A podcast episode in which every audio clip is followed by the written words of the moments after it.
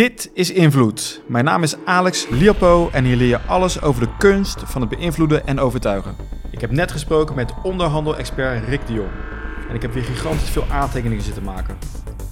Dus wil je een sterke onderhandelaar worden die krijgt wat hij wil? Blijf dan luisteren. Wie moet volgens jou het verhaal echt in de uitzending komen vertellen? Laat het ons weten. Stuur een mail naar alex.ondernemerspassie.nl Vandaag praat ik met Rick de Jong, eigenaar van RDA Training en Organisatieadvies. Hij geeft ondernemingsraden de tools om echt invloed uit te oefenen, dus niet die schijninvloed. Hij houdt niet van abstracte modellen en zijn motto is dan ook geen hoer, maar rechtstreeks vanuit de praktijk. Dat doet hij voor veel grote bedrijven rond de Unive. Rick, welkom in de uitzending. Dankjewel. Geen hoer, maar rechtstreeks uit de praktijk. Wat gaat er bij jou uh, mis met ja, hoe onderhandelings- uh, of ondernemingsraden opereren? Wat moet er beter? Ja, wat gaat er fout inderdaad? Wat, wat kan er beter? Um, ik zou gelijk een hele brede vraag. Als ik kijk naar de onderhandelingen, dan uh, denk ik dat ondernemingsraden uh, zich zeer bewust zijn van de hiërarchische die zij hebben. Uh, dat zij gevoelig zijn voor hiërarchische verhoudingen. Het is en blijft je baas. En het is best lastig natuurlijk om uh, tegen je baas te vertellen dat je dingen anders wil. Uh, vergelijk het een beetje als vroeg aan de keukentafel als je vader iets wilde. En uh, ja, hoe erg als kind ga je erop door? Ja. Van ik wil jouw mening hebben. Vertel, kind. Nou ja, ik weet niet. Hè. Is het, is het een, een vader-kind relatie? Want hè, het is toch uh, gelijkwaardigheid. De ondernemingsraad die is voor het personeel. En die gaat in gesprek met de directie. Om te kijken hoe je samen de onderneming groter kan maken. Dat uh, zou het ideale plaatje zijn. Ik denk dat zij allebei de intentie hebben inderdaad om de organisatie uh, groter te maken, beter te maken. Maar als je kijkt naar de echte onderhandelingen, dan uh, denk ik dat er wel een paar facetten tussen zitten die als vader-zoon uh, kunt vergelijken. Ehm, je ziet dat directeuren vanuit hun eigen belang dingen voor elkaar willen krijgen. En dat begrijp ik ook, dat is hun taak verantwoordelijkheid. Um, ik denk dat ze vaak dezelfde doelen hebben, alleen de aanvliegroute en de, verschillende belangen die daarbij onderspelen, ja, die, die kunnen toch wel uh, af en toe verschillen. Compleet andere belangen. En ik heb zelf ook uh, denk twee, keer in een, twee keer in ondernemingsraad gezeten en dan merk je, wat ik ook denk is van als personeel weet je ook veel minder. Je hebt ook een kennisachterstand. Want het grote plaatje weet je misschien niet altijd. Ik zeg even groter misschien. Maar het kan best zijn dat bijvoorbeeld uh, directie veel meer weet en bepaalde dingen niet kan zeggen. Dus je moet een bepaalde kant op gaan. En je moet het personeel meekrijgen, maar ze kunnen niet alle, alle dingen vertellen.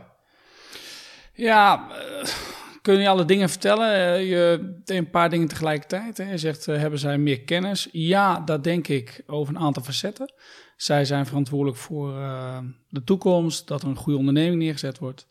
Alleen, ik denk dat het personeel onverslaanbaar is in de werkbaarheid. Dus directeuren bedenken vaak dingen. Um, en ik denk dat personeel onverslaanbaar is of dit uh, gaat werken in de praktijk. Uh, soms zie je dat ondernemers inderdaad het grote plaatje, of in ieder geval alle belangen die erbij spelen, alle afwegingen die directeuren maken, niet altijd helder hebben. Um, ik denk dat dat een van de zaken is die ondernemers hadden betere zouden moeten doen, om op je eerste vraag terug te komen. Vanuit dat perspectief denk ik dat zij vooral de besluiten dienen te beoordelen gaat dit werken in de praktijk? En daar denk ik dat ze hun belang uh, in zouden moeten brengen. En ik denk dat daar personeel uh, meer weet dan de directie. En in jouw ervaring, nou, laten, laten we misschien met een praktijkvoorbeeld beginnen. Want jij hebt een uh, adviesbureau. Wie komt er bij jou langs en zegt, ik heb hulp nodig? Want wat ik ook merk is dat vaak bij grote organisaties is er al een hele ondernemingsraad, traject om medewerkers bij te staan. Uh, ja, dat is zo. Klanten die bij mij komen, zowel van familiebedrijven tot aan de grote multinationals. Ja. Uh, beide vergen soms een andere strategie.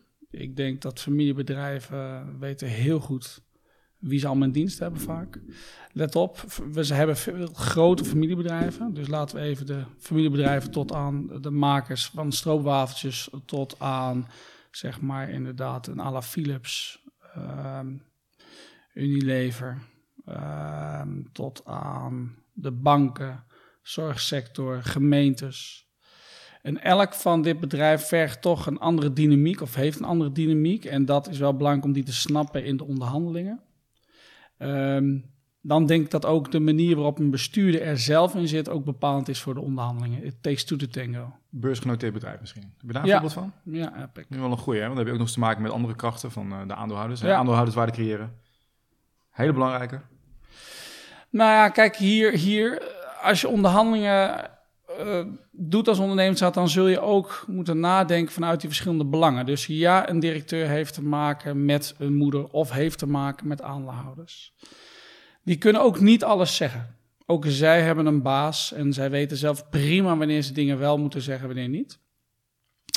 Ehm, dat betekent ook dat het soms heel lastig is om van hoe ver geef je nou een inkijkje wat er echt speelt. Ik denk op formele belangen doen ze dat wel. Dus ze laten zien waar de organisatie naartoe moet en daar hebben ze het over.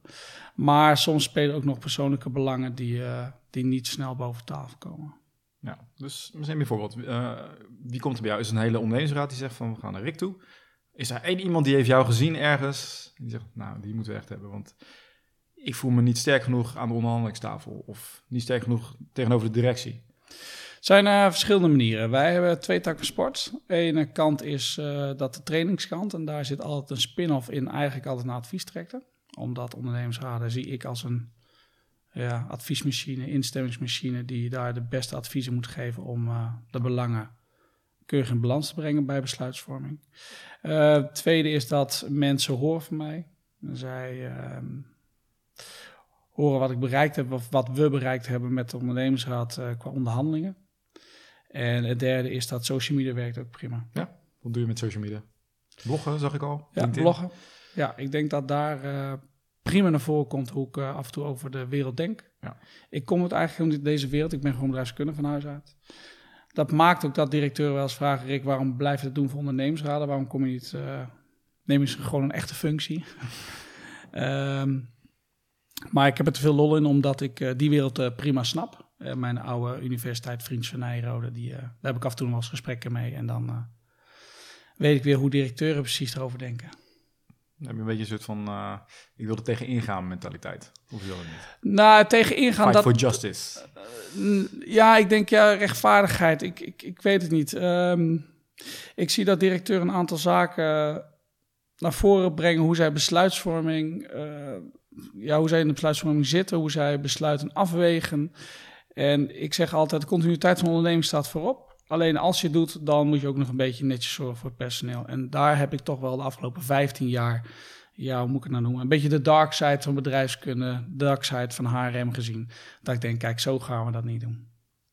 Heb je misschien een, een voorbeeld daarvan zonder eh, bedrijf te noemen? Of als je wil, mag het voor mij wel. Nee, bedrijf noemen lijkt mij hier heel erg lastig in. Ehm, wat ik vooral zie is... ehm,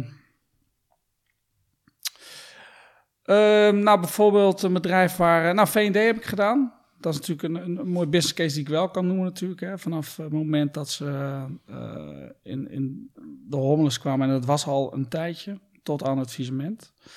Ehm daar gebeurden wel dingen dat ik dacht, oké, dit zien we vanuit de aandeelhouders, zien we wat er gebeurt, hè, de, de Private Equity Club. De exit strategy zagen we al en helaas hebben we daar at the end niks kunnen betekenen, maar in de voorgaande adviesenvragen eh, qua reorganisatie wel. Daar is een goed sociaal plan uitgekomen. En daar zie je toch dat coalities gevormd worden die af en toe nodig zijn.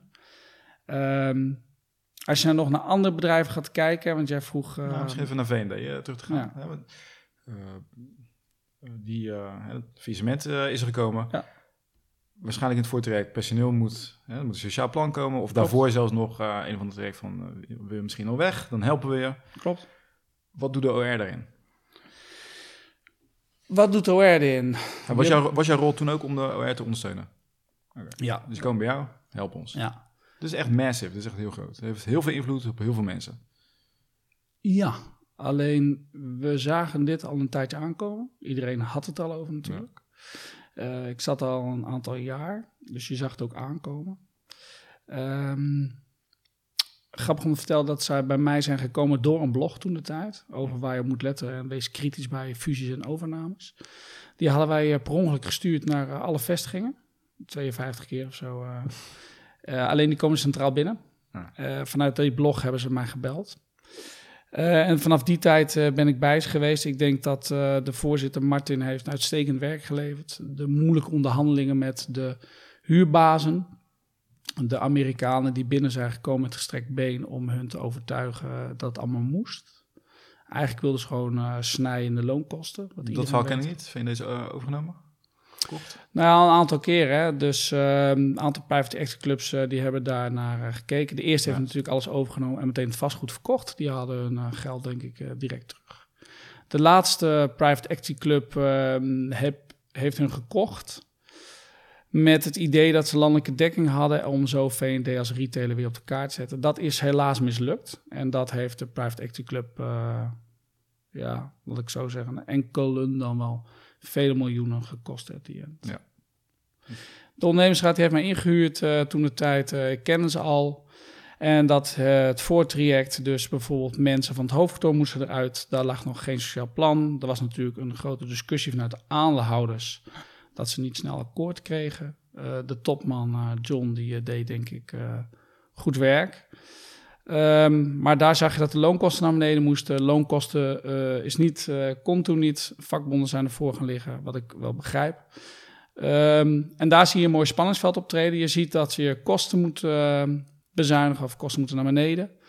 Daar zie je dat er een loonoffer gevraagd wordt aan personeel. Eh dus ze hadden bijvoorbeeld daarvoor een CEO van de V&D. Dat ging over naar een retail VN, eh, CEO en die eh, is significant lager. Mensen werden gevraagd om loon in te leveren en daarna nog eens een keer de nieuwe CEO toe te passen. Dat betekent dat voor sommige mensen 20% loon gewoon naar achteruit gingen. Zonder enige toezeggingen over de overlevingskansen van V&D. En ja, dan, dan wordt het wel lastig. Dan zie je dat de emoties de boventoon gaan voeren bij de onderhandeling. Ehm, ja, waarbij je stress dan wel... eh, Ja, hoe, hoe gaat dat? Eh, hoeveel hoeveel mensen zitten in zo'n ondernemingsraad die dan echt aan tafel gaan zitten bij de directie? afhankelijk van de grootte van de onderneming. Nou, VND, laten we daarbij blijven. Zo'n concreet voorbeeld. Dat is wel een concreet voorbeeld, maar dat... 6, 7, 8, 10. Nee, meer. Meer. Daar zitten wel eh, 15, eh, 15 man in. Die daadwerkelijk om tafel zitten. hè? Ja. Dat Ja, dat ligt aan welke onderhandelingen er plaatsvinden. Soms ga je met een kleine delegatie. Inleveren 20%. Ja, dat gaat dus niet gebeuren. Ligt ook niet, lag ook niet het bordje van de ondernemingsraad uiteindelijk. Wat je wel ziet is dat de directeur overtuigt, probeert je te overtuigen dat het echt nodig is. Mhm. En dan kom je wel tussen eh, de hamer en het aanbeeld. Hè. Je weet dat er iets nodig is, want je ziet gewoon dat het niet goed gaat. Eh, en ten tweede betekent dat eh, dat ten koste gaat van je personeel. Nou, dat, dat is, het overtuigen van die 20% is nodig. is naar mijn idee ook al deel van de onderhandeling. Ja, er wordt al iets geprimed. Luister, dit is wat we nodig hebben, 20%. Onderhandelen begint veel eerder dan je denkt. Ja. En dat begint tot de kleine informele overleggen die op de gang plaatsvinden, waarbij de voorzitter Juist. een selectief gezelschap van de ondernemersraad eh, gevraagd wordt, heb je even. Dat is niet ehm, specifiek voor V&D. Ik denk dat dat eh, in vele gevallen aan de hand is. En ik denk dat ook zo de onderhandelingen ja, plaatsvinden op een lange termijn. Dus in dit geval, die 20%. Is dat een, was het een echt getal of was het gewoon, weet je wat, we zeggen 20%? Nee, Eigenlijk is het 10%, maar we gooien er 20% in. Iedereen schrikt, personeel schrikt. Nee, kijk, we zitten nu even in percentage te praten. hè. Ik denk Nou, dat... ik neem maar even een voorbeeld van hoe dat gaat. Nou ja, kijk, ik wil wel even het recht zetten. hè. Het is niet, niet 20 procent. er werd gevraagd, we moeten heel erg zien te bezuinigen op personeelskosten. En dat is Ja, een van de kosten die zij hadden. Grootste kosten, denk ik. Eh, de grootste postkost. Ehm, maar ze hadden natuurlijk ook veel inventaris. eh, Ja. eh, je kleding en dat soort dingen. Dus daar zie je ook dat de onderhandeling plaatsvond. Je zag dat op de huur plaatsvond, eh, onderhandelingen. Dus je ziet dat op verschillende facetten werd er gekeken naar kosten. En dat is op zich niet verkeerd. Want dat zou je ook doen als je in die situatie zit als bestuurder. Ja. De vraag is alleen, waar ga je het halen en wat lever je daarvoor in? Wat is de offer eigenlijk die mensen maken voor lange termijn, waarbij ja, uiteindelijk dan toch het visement gekomen is? Ik denk dat het inleveren van loon, dat zullen we nooit weten. Ik denk niet dat dat doorslaggevend zou zijn geweest. Ik denk maar ik ben, eh, echt, ik ben echt benieuwd even nog voor, voor mensen die luisteren van hoe gaat zoiets? Want er wordt, iets, er wordt wel iets op tafel gelegd. Hè, dat krijg je niet tijdens het gesprek te horen, dat krijg je van tevoren eh, te horen als ondernemingsraad. En dan heb je nog allerlei, eh, ik ben even de terminologie kwijt, maar je, kan dus meer, meer gegevens opvragen als ondernemingsraad. Je moet je voorbereiden, de directie moet alle informatie geven. Klopt. zijn ze verplicht. Ehm, zoiets als dit, heb je daar, je bent erbij geweest? Ja. Hoe ging zoiets? Want die, me- die, Ja, oh, laten, die af, van, laten we hey, afstappen van V&D, want dit is... Misschien vind je het niet prettig om over te praten. Nou ja, dat, dat, Ja, precies. Hè. Op een gegeven moment moet je wel kijken wat zeg je wel en wat niet. Want sommige dingen vind ik niet dat dat eh expliciet naar buiten hoeft te komen. Ehm, ik kan wel zeggen dat... dat wel- Ja, precies. Als je kijkt naar eh, wat er gebeurt in de praktijk, dan zijn onderhandelingen ehm, beginnen veel eerder dus. Ja. Op een gegeven moment zit je om tafel. Daar zijn inderdaad plannen die de directie heeft om de onderneming eh, beter te maken. Dat is ook zijn verantwoordelijkheid en zijn taak, denk ik. Vergeet dat niet. Iedereen heeft zijn eigen taak en verantwoordelijkheden. Ja. En bij de onderhandelingen denk ik dat je respect moet hebben voor elkaars taken en verantwoordelijkheden. Ehm, de ondernemersraad, hoe gaat dat? Als je kijkt naar, eh, er komt een aankondiging.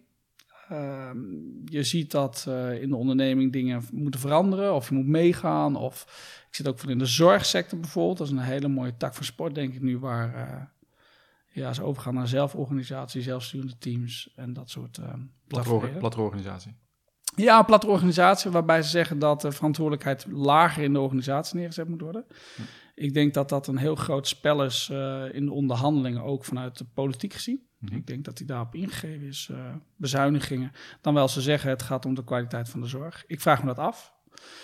Um, dan zie je dat een ondernemerschap meegenomen wordt in de plannen, als dat al zo is. Dan wel de vooraankondiging, we moeten iets. Dan worden zij uh, bijgepraat. Vaak is er nog niet iets concreets.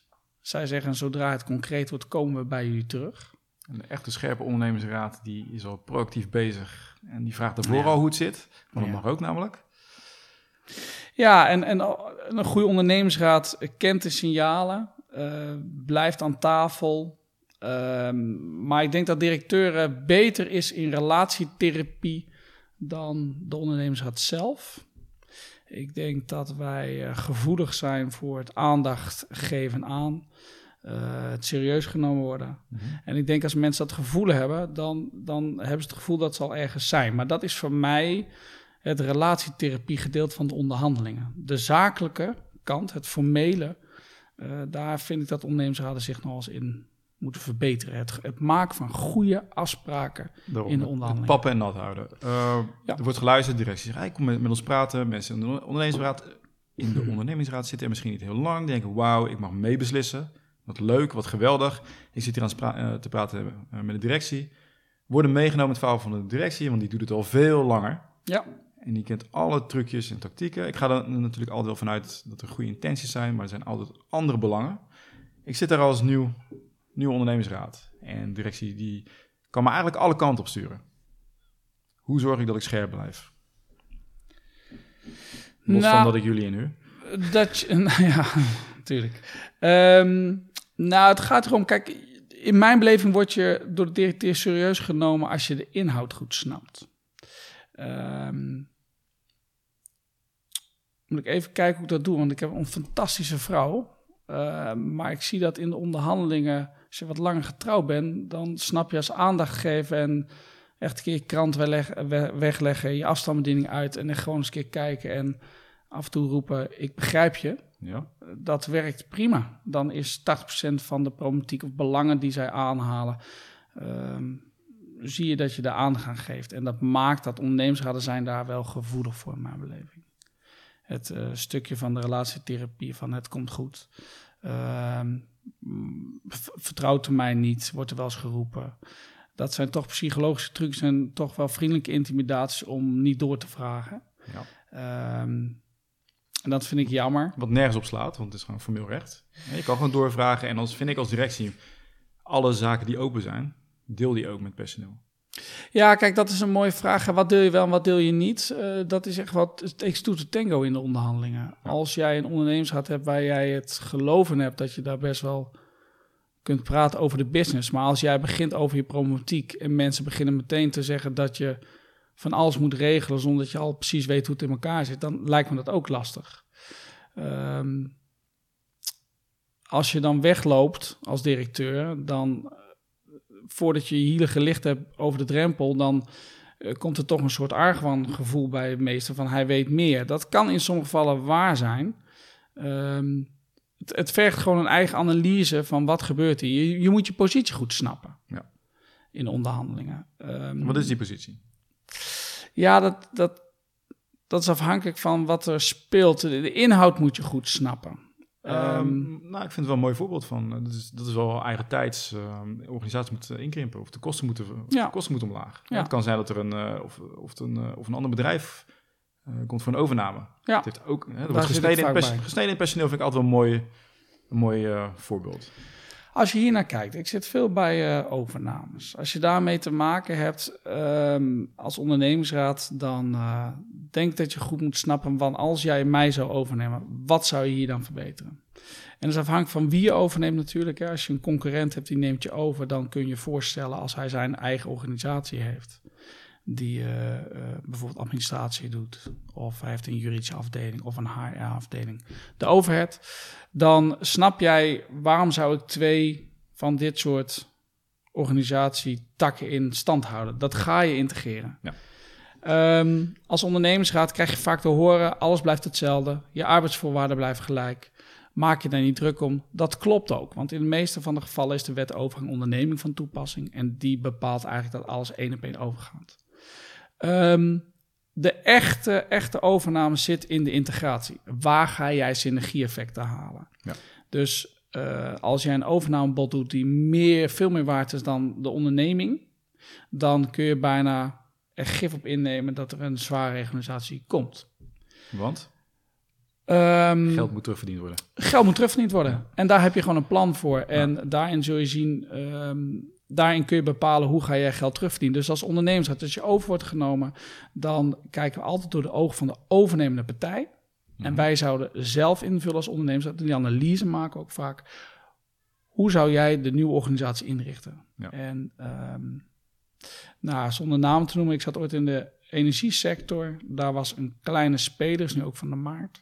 Die werd overgenomen door een van de grote jongens. Die deed ongeveer 90.000 klanten in Nederland. Degene die hem overnam, miljoenen. Dan zie je natuurlijk dat er gezegd wordt: iedereen kan mee, iedereen kan blijven.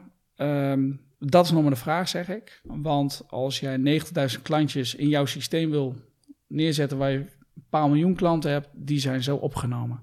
Wat doe je dan met de rest? In het begin wilden ze daar niet over praten. Nou, wat, vind je hiervan? Hè? Eh, het allemaal blijft hetzelfde. Iedereen, eh, alles Ja. blijft hetzelfde vanuit directie. En dan blijkt opeens wat anders. Kijk, ik loop nu ook al een tijdje rond, dus ik weet al van, nou, dat gaat, eh, dat gaat niet gebeuren. Maar personeel is, hè, hoort vaak wat het wil horen. Dat is vaak bij die, die, Ja. die overnames. Oh nee hoor, en ik kan gewoon blijven. Niks aan de hand. Een beetje kop in het zand steken. Maar dan blijkt wat anders. Ehm, dan denk ik, dan sta je eigenlijk al 1-0 voor als directie. Want je bent al redelijk onbetrouwbaar voor die mensen die het niet hebben zien aankomen. Hoe sta erin? Nou, kijk. Er komt ook een soort loyaliteitsswitch. Als jij, als, wij, als jij mij zou overnemen, dan is een van mijn taken dan natuurlijk het huidige personeel meenemen dat die verkoop goed is. Er kan zijn dat ik andere belangen heb die ook op persoonlijke gronden spelen in het kader van bonus. Of eh, als ik dit voor elkaar krijg, dat er toch iets in zit voor mij. Of ik word mee oververkocht. Ehm, wat ik zie en hoe ik daarnaar kijk, is doe je eigen analyse. En als er inderdaad, eh, als een bedrijf tegen mij zegt iedereen kan mee, dan zeg ik nou prima. Eh, als wij denken dat er eh, nog allerlei integratieproblemen zullen zijn, dus dat de afdeling mogelijk ingekomen moet worden of niet. En je maakt de analyse van de overnemende partij, hoe zij erin zitten. Openheid van businessplan van de overnemende partij vind ik zeer belangrijk, want daarin zie je de integratiemogelijkheden. Wil ze daar geen afspraken over maken? Ja, dan zeg Ja, ik... maar hoe, hoe gaat het? Dit vind ik belangrijk. Dit is nu Ja. net het onderhandelstukje. ja, Ja, ik wil openheid van zaken. Als ik in de ondernemingsraad zit, ik, ik weet dat van tevoren. Ik, zeg niet dat anderen dat niet weten, vast wel. Je hebt eigenlijk die, die, ehm, ja, die onderzoeksplicht. Van luister, je kan het nu wel zeggen, bij die overname, alles gaat één op één mee, niks aan de hand. Maar uit onze analyse blijkt wat anders. Ik wil graag openheid van zaken, want ik weet zeker dat jullie dat ook zien. ja Hoe dat, krijg je dat? eh, Hoe dat, krijg je dat voor elkaar? dat vergt een, een doosje durf en lef. Eh, dat betekent dat je je eigen analyse goed scherp moet hebben. Hebben we. Ehm, dan ga je met de overnemende partij, die nodig je uit. Hm. De huidige directie laat weten aan de overnemende partij dat wij een gesprek met hun willen, omdat wij inzicht willen hebben in hun businessplan. Dat ehm, is geregeld bij wet. Dus eh, als een directeur er echt moeilijk over doet, dan eh, moeten we daar iets meer op drukken, zeg ik, op juridische gronden. Ehm, meestal hoeft dat niet eens zo direct. Zij Moet, komen moet wel. het zo, hè? Als je zegt van, eh, je, wordt, je wordt afgescheept. Dan zeg je nu, juridisch Ja, mag ja, het allemaal. Maar ja, Klopt. hoe ga je dat nou weer afdwingen? Nou, dat, dat is een doosje durf Kom, kom je daarmee? Zeg je dan, ja, luister directie. Piet, dit moet. En dat weet hij ook wel. Nou, laat ik, laat ik een mooi voorbeeld geven. hoe houden we het Ehm, allemaal heel mooi? Laat ik een mooi voorbeeld geven. Wij, ehm, er was een, eh, een partij die woonde, die, die, die was gehuisvest in Eindhoven en dat is niet Philips. Ehm, ja, de meeste mensen. Disclaimer, Met, meteen eh, de associatie eh, met eh, Philips. Nee. Ehm, daar, zij hadden een pand in Amsterdam en een pand in Eindhoven. Ehm, en er werd gezegd, als wij die twee panden bij elkaar doen, dan besparen we 6,5 eh 6,500 eh, k. En ehm, iedereen mag mee. Wij zijn nou van Eindhoven naar Amsterdam. Best wel lastig. De direct zegt nee, eh, iedereen kan gewoon komen. Nou, zeiden wij prima, dat is een lange reistijd. Dus wij willen ook voor de part-timers die we hebben, willen we dat dit ook geldt. Ja, nee, zei ze, iedereen mag mee. Prima, zei ik, dan wordt eh, reistijd is eh, werktijd. Ja, zei ze, dat gaat niet. Wij zeiden, hoezo niet? Nou, zegt ze, dan reis je af naar Amsterdam. Dan pak je een kopje koffie. Nou, dan kan je weer naar huis. Nog, nog korter. Ik vind het heel interessant. Reistijd wordt werktijd. Gaat het aan tafel? Hm. Hoe gaat dat? Eh, je, hebt, je hebt je over nagedacht, hè? Het is niet zomaar... ja, je roept nee, niet dat, zomaar en wat. het is ook geen optelsom. Het is een... Klopt. Maar dit is wel Je- een puntje. Van hoe Ja, gaat je, kijkt, je kijkt naar de context waar dat in Ja. geschiet. De ene directeur, die... De echte onderhandelingen vinden buiten de tafel plaats. Juist. De echte onderhandelingen. En dat kan zijn met een kleine commissie. Dat kan zijn dat je het informeel eens aankaart. Je gaat eens lobbyen bij je directie om te zeggen: ja, u zegt dat wel. Eh, hoe erg kunnen we dat vasthouden? Ehm, dit is toch een punt van ons waar we toch aan vasthouden. Zij weten wat er komt. In Maar de echte gaat- onderhandelingen weten mensen wat er aan de hand is. Met wie bespreek je dit? Hm. Zijn het de secrets of de, de master? Nou, nou, waar we nu, waar ik ja, de secrets, het zijn geen geheimen. Het is, Ja, maar als het geen geheimen zijn, dan is het... eh, Ja, maar het is niet. Kijk, de eenvoud die hier soms uit blijkt, dat die, die, die is zeer complex. Ehm, het ligt ook een beetje aan hoe de OR elkaar zit, hoe de andere partij in elkaar zit. Nou, laten we het zo zeggen. Het gaat niet, niet aan de tafel zelf. Het gaat informeel. Ja. Dus de directie weet, oh jee, met dit punt. En zij de- nee, maar oh, zij komen dit punt. Ja, zij, zij weten dat. En En dan? ja, afhankelijk van de, de volhardendheid zeg maar, van de ondernemersraad, want dat vergt echt wel wat om af en toe echt vast te houden bij je baas. Maar hoe blijf je vasthouden eraan? Want het gaat informeel. Goed weten wat je Nou, doel is. Klopt. Dit willen we. Nou, de directie zegt, nou, nee. En nu? Ja, je onderhandelt over belangen. Ja. Eh, er zijn grenzen aan de medezeggenschap. Ehm, dreigen in de natuur eh, is een veel voorkomend iets. Er wordt weinig gevochten. Dreigen in de natuur is om eh, bloedvergieten te voorkomen. Je maakt je groot. Maar je moet wel weten wanneer je dat kan. Ja. Als ondernemersraad weten we dat. Dus als jij... ehm, ja, mooi. ja.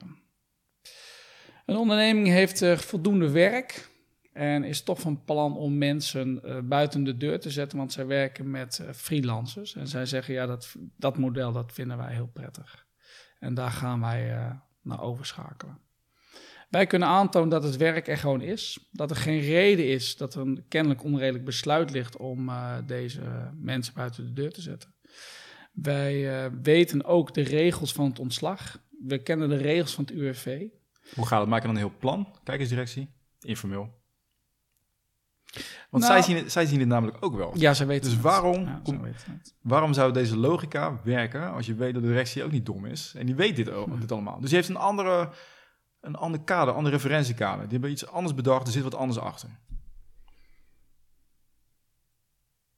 Nou, kijk, sommige besluiten die zijn ook prima te rechtvaardigen. Als jij 30% van je productie verliest, dan is het bijna onmogelijk om te zeggen: je moet het personeel in dienst houden. Lijkt maar, lijkt maar bijna. Nee, maar in, Onmogelijk. het- in het voorbeeld, je geeft Maar in aan- het voorbeeld waar we Ja. het nu over hebben, daarin kunnen wij aantonen dat het niet gerechtvaardigd is. Ja, dan doe je toch langzamerhand voer je de. Ja, de dreiging is nou een dreiging? Nee, je voert langzaam op waar het om gaat. Je geeft ook aan waar het om gaat. En je, hoe, hoe kom jij daar erachter wat de directie ja. voor ogen had om met zoiets te komen? Want naar mijn idee kun je pas iets, een, een counter doen Mhm. als je dat weet. Want dan kom je Ja, met dat je logica. ervaring. Ja, dan kom je met je logica. En dan zegt de directie, ja, eh, nou, we hebben al- blijkt een heel ander argument. En dan, gaan dan gaan al je cijfers en Nee, dat gaan ze niet. eh. Kijk, eh, dat is gewoon ervaring. Dus hoe kom jij erachter? Wat er nu Nee. echt achter zit? Ja, kijk, dat, dat, wat ik al zei, dat is echt ervaring. Hè? Kijk, in die 15, 16 jaar dat ik dit doe, eh, heb ik alle vriendelijke intimidaties, wat zware intimidaties meegemaakt van directies die hun zin niet krijgen. Ehm, en hoe komt dat? Zij worden natuurlijk een beetje nerveus als je op het voormede-vlak, dus op het zakelijke vlak, de analyse heel goed maakt. Ja. En dat je een beter voorstel hebt wat ook werkbaar is, maar ook beter is voor het personeel.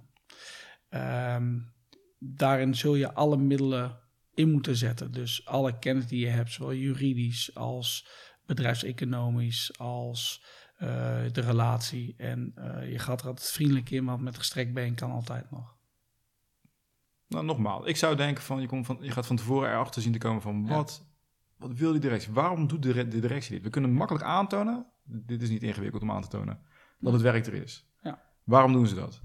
Doe jij, is dat een tactiek om daar als eerste achter te komen voordat jij komt met je cijfers? Of zeg je, nou dat doe ik niet, ik, ik presteer gewoon mijn cijfers aan het hen maar komen met hun counter van waarom zij vinden dat het niet juist is. Nee, als we kijken naar het traject, hè, daar dient de ondernemer krijgt een adviesaanvraag en er zijn een paar voorwaarden aan het advies. Daarin moet de directie aangeven wat het voorgenomen besluit is. Zij moeten aantonen waarom ze dit besluit nemen, dus zij moeten een onderbouwing geven daarvan. En zij moeten aangeven wat zij als oplossing gekozen hebben en wat de gevolgen zijn voor de mensen en hoe zij dat denken op te vangen. Dat is de inhoud van een adviesaanvraag wat de directie in moet leveren. Ja. Op basis van dat plan of de, ja, dat, dat stuk, dan ga je als ondernemersraad aan de bak. Heel vaak zie je dat directies dat ehm, onderbouwd hebben. Eh, soms wat beter. De ene is wat beter dan de ander. En hoe meer gaten in de business case geschoten kunnen worden, Ja. hoe betere onderhandelspositie je krijgt als ondernemersraad. Maar dan moet je wel die business case goed snappen. Mhm. En vandaar dat ik zeg, ik, ik ben bedrijfskundige van huis uit. Ik hou van ondernemingen, hoe ze bestuurd worden, hoe beslissingen worden genomen. Dus je zult de dynamiek en de inhoud van het bedrijf moeten snappen om überhaupt aan tafel te zitten. Eens. Maar cijfers zijn ook voor interpretatie vatbaar. Dus je kan in een positie komen waarbij je zegt van nou, als ik kijk naar de cijfers Klopt. en de prognose in de toekomst, kom ik tot deze conclusie. Ja. En de directie zegt, nou ja, op basis van onze gegevens komen wij tot een andere conclusie. En nu? Dat kan, dan heb je een discussie. Uiteindelijk is de ondernemer de baas. Er zijn grenzen aan de medezeggenschap. Eh, maar eh, als je een goede business case hebt, dan zul je ook moeten weten waar, als je echt juridische stappen onderneemt, eh, waar de OK naar kijkt, dus de ondernemerskamer in Amsterdam. En ja, om heel te zijn, dat dreig je af en toe mee, daar waar je zeker weet dat je een goede business case hebt. Eh, cijfers zijn voor interpretatie vatbaar, absoluut. Dat noemen wij soms de Excel-bezuinigingen. Dus als je 4 ton wil bezuinigen, dan pak je gewoon de loonkosten. Zeg even dat zij, eh, nou, laten we zeggen even 80k zijn eh, per medewerker. Dan is vijf medewerkers schrappen uit een Excel, is dan zo gebeurd. Kun je tien keer narekenen, blijft 4 ton uitkomen. Ja. Het gaat uiteindelijk, is het werkbaar? Mhm. Kun je deze reorganisatie doorvoeren zonder dat de onderneming in gevaar komt. En ik denk dat directies daar eh, ehm, af en toe te weinig oog voor hebben. Dat ze eens moeten luisteren naar het personeel, hoe jij hier je verbeteringen kunt doorvoeren. En wat kun jij doen om dat duidelijk te maken? Gaat het echt allemaal informeel? Ja, weet je, Nee. ook- hoe gaat het? Want het gebeurt niet aan tafel, dat zeg je ook al. Nou, kijk, het gebeurt gedeeltelijk aan tafel. Wij zitten nu ook bij een eh, fusie van eh, twee ziekenhuizen die zijn geweest. En de een die heeft ehm, ehm, bijvoorbeeld de schoonmaak aan de ene kant is het eh, uitbesteed, aan de andere kant hebben ze het nog in eigen beheer. Ehm, zij tonen aan dat er een groot gat is in de loonkosten bijvoorbeeld. Hè? Dat ze zeggen die gap is te groot. En dat uitbesteden echt wel goedkoper is. Ja. Dat kan zo zijn, maar als je dan kijkt, dan zul je moeten kijken naar de dienstverlening die gedaan wordt. Wat gaat de overnemende partij doen? Twee, als zij lagere loonkosten hebben, dan vraag je af hoe ga je dat doen met personeel? Want die mensen gaan mee over. Dan weet je al dat je iets moet doen in de loonkosten. En dat ga je niet redden uit je ehm, de arbeidsvoorwaarden zomaar kunnen snijden. Dat kan niet. Ja. Dus zit je al in de onderhandelingen, hoe gaat u dat compenseren? Eh, de directie geeft daar een uh, analyse van. Wij vragen daarnaar. Wij maken ook een eigen analyse van wat zegt de CO ziekenhuizen. Wat kijken naar de CO schoonmaak. Die analyse maken. Je ziet waar de verschillen in zitten. En je weet dus dat er uiteindelijk daarin gesneden gaat worden. Uh, dan nodig je overnemende partij uit. Je zegt van, hé, hey, wij zien dat u dat goedkoper kunt doen. Wat is de dienstverlening die u gaat leveren? Dus worden de appels met appels vergeleken. En twee, zijn er geen diensten vergeten die de andere dus de huidige partij maar doet. En uh, dan als laatste kijk je ook nog eens naar de arbeidsvoorwaarden en waar zit de grote verschil in. Daar vraag je door en je zegt van ja, hoe gaat u dat oplossen? Als dat niet naar tevredenheid opgelost wordt, ja, dan zul je toch positie langzaam moeten gaan opbouwen. En dat betekent dat je een business case moet gaan bouwen. Je gaat aantonen daar waar ze fouten gaan maken, dus informatie niet geven. Als ze informatie achterhouden, dat zijn allemaal streepjes bij de ondernemerskamer waarbij je een positie krijgt uiteindelijk in de onderhandeling als je echt naar het gerecht zou moeten. Directies weten dat. Dus als je die business case aandraagt, dan zullen zij dat laten toetsen juridisch. En dan kan zijn dat uh, de jurist zegt van ja, of de advocaat van uh, dit lijkt me niet handig als jullie naar de OK gaan. Want de grote kans zit erin dat de ondernemingsraad hier een, uh, een goede positie heeft in de onderhandelingen. Hoe noem je het net, de ondernemingskamer? Ja, OK. Oké. Is die wel, ja, hoe logisch is die? Want je, eigenlijk wat je nu hmm. zegt is, ik doe eigenlijk aan dossieropbouw. Dus als ja. personeel uh, weg wil hebben bijvoorbeeld, of uh, het loopt niet lekker, dat kan niet meteen. Je bent bezig met dossieropbouw. Je verzamelt allerlei bewijsstukken om te laten zien dat het personeel, hè, of die persoon niet goed is. Dat doe je nu ook. Je gaat naar de ondernemerskamer, maar hoe kijkt de ondernemerskamer? Nou, de ondernemerskamer kijkt per voor de OR? Nee, nee de ondernemerskamer die kijkt uh, gewoon of hier kennelijk en redelijk een, een goed besluit genomen kan worden. Ja. En daar zijn een aantal regels. De OK kijkt uh, daar waar je advies zou moeten vragen, het adviesrecht van de ondernemersraad. Als dat niet gedaan wordt, dan heb je al een streepje. Of je voldoende informatie hebt gekregen, of de juiste informatie is die je hebt gekregen. Ja. Uh, hebben zij goed de gevolgen laten zien van het personeel? Uh, hebben zij aangegeven wat zij verwachten om het op te vangen. Kijk, de OK is geen ondernemer, dus zal ook het ondernemersbesluit aan zich, ook al zitten er veel risico's in, niet zo snel inhoudelijk beoordelen. Zij zullen vooral kijken, zijn er procedurefouten gemaakt? Dus als je in de OK succesvol wil zijn, dan zul je procedurefouten moeten bewerkstelligen. Meestal is voor die tijd is het al uitonderhandeld. Waarom? Dat heeft niks te maken met het formele stuk. Dat heeft te maken dat directies toch gevoelig zijn van hier heb ik geen zin in. Waarom? Uh, hoe denkt de rest van de wereld hierover? Hoe kijkt de aandeelhouders naar mij? Hoe kijkt de Raad van Toezicht naar mij? Hoe kijkt het personeel naar mij? Hoe kijkt het MT naar mij? Dus op het formele vlak willen we vaak wat anders. Hm. Daar gaat de ondernemer in principe over. Maar als je daar niet op redt, dan kijken we altijd, noem ik dan het strategische positie, uh, de strategisch belang, zeg maar. De positie van degene die besluit uh, moet nemen. En als je daar een mooi voorbeeld over wil. Ja. Een paar jaar geleden zat ik bij een partij uh, die, ehm, waar het geld eh, gewoon aanwezig was. Zij wilden een andere manier van aansturen. Daarbij hadden we gezien dat inderdaad op een efficiëntere manier kwam dat er een automatiseringsslag kwam. Daarbij moesten wij helaas de conclusie trekken dat er inderdaad mensen uit zouden moeten. Daarvoor wilden wij een, uh, goed, uh, een goede regeling afspreken. Waarbij de directie eerst terugkwam. Toen was er in de tijd van de kantonrechtformule. Daar is veel op veranderd over. Um, en die hadden een correctiefactor van 1,35. En uh, wij kwamen erachter als ondernemersraad dat in de formule daarvan, dus de afvloeingsregeling, dat een paar wettelijke betalingen, dan wel beloningselementen niet waren overgenomen. Direct zei, ja, nee, uh, dat zien wij. En als we dat gaan doen, en jullie hebben daar gelijk in, dan uh, gaan we wel de C-factor terugbrengen naar 1,25. Nou, dat mogen ze in principe doen. En wij dachten, ja, wat verdikke me, 1,25, oude kartonrechtformule. Best een goede uh, regeling. Toen dachten we, ja, maar ze hebben eerst 1,35 geboden. In je advies, die je uiteindelijk schrijft, hè, dus dan we een soort pre-advies. En daarin schreven wij gewoon de procesgang, hoe dat heeft plaatsgevonden. Dat de ondernemerschap heeft gezien dat er een aantal ja, elementen van de B-factor, noemen we dat, uh, niet mee waren genomen. En dat de directie besloten had om dan zomaar de C-factor van 1,35 te verlagen naar 1,25. Ondernemerschap hebben aangegeven dat er genoeg cash was, dus wij vonden er geen enkele reden waarom dat niet betaald kon worden. Daar zag je een beetje dat de ego van de bestuurder mee gaat spelen. Ik heb daar geen zin in dat kan, dan krijg je vriendelijke intimidaties. Uh, dat gebeurt dus niet formeel. Dat hoor je informeel. Dan word je af en toe even gebeld. Van ja, ik vind niet normaal 1,35 en wij gaan nu terug naar 1,25. Snap je toch ook? Wij hebben gezegd nee. Toen zei hij, ja, maar ik ben de bestuur, dus ik beslis. Nou, prima. Wij hebben daar een advies geschreven waarbij wij deze procesgang hebben uitgelegd. Dus dat wij gezien hadden 1,35, voldoende cash, terug naar 1,25. Uh, dat hebben we zo neergezet. Uh, toen zei hij, ja, maar ik wil niet dat dit advies naar buiten gaat. Dan zeiden we, ja, maar daar ga je niet over. Het is maar een mening, hè. Het is, het is, het is niet doorslaggevend, hè. U bent de baas, dus u mag beslissen. Hij zei, ja, maar zo wil ik niet naar buiten komen. Ik zei, ja, kunnen we dat niet eruit halen? Ik zeg, nou, dat lijkt mij lastig. U weet wat, uh, wat wij graag willen. Ik denk dat er nog twee telefoons overgepleegd zijn, informeel. Nog eens een keer langs gekomen. Kan het nou echt niet anders, beste voorzitter? Daar hebben ze vastgehouden. En binnen een week was het gewoon 1,35 met alle elementen van de B-factor.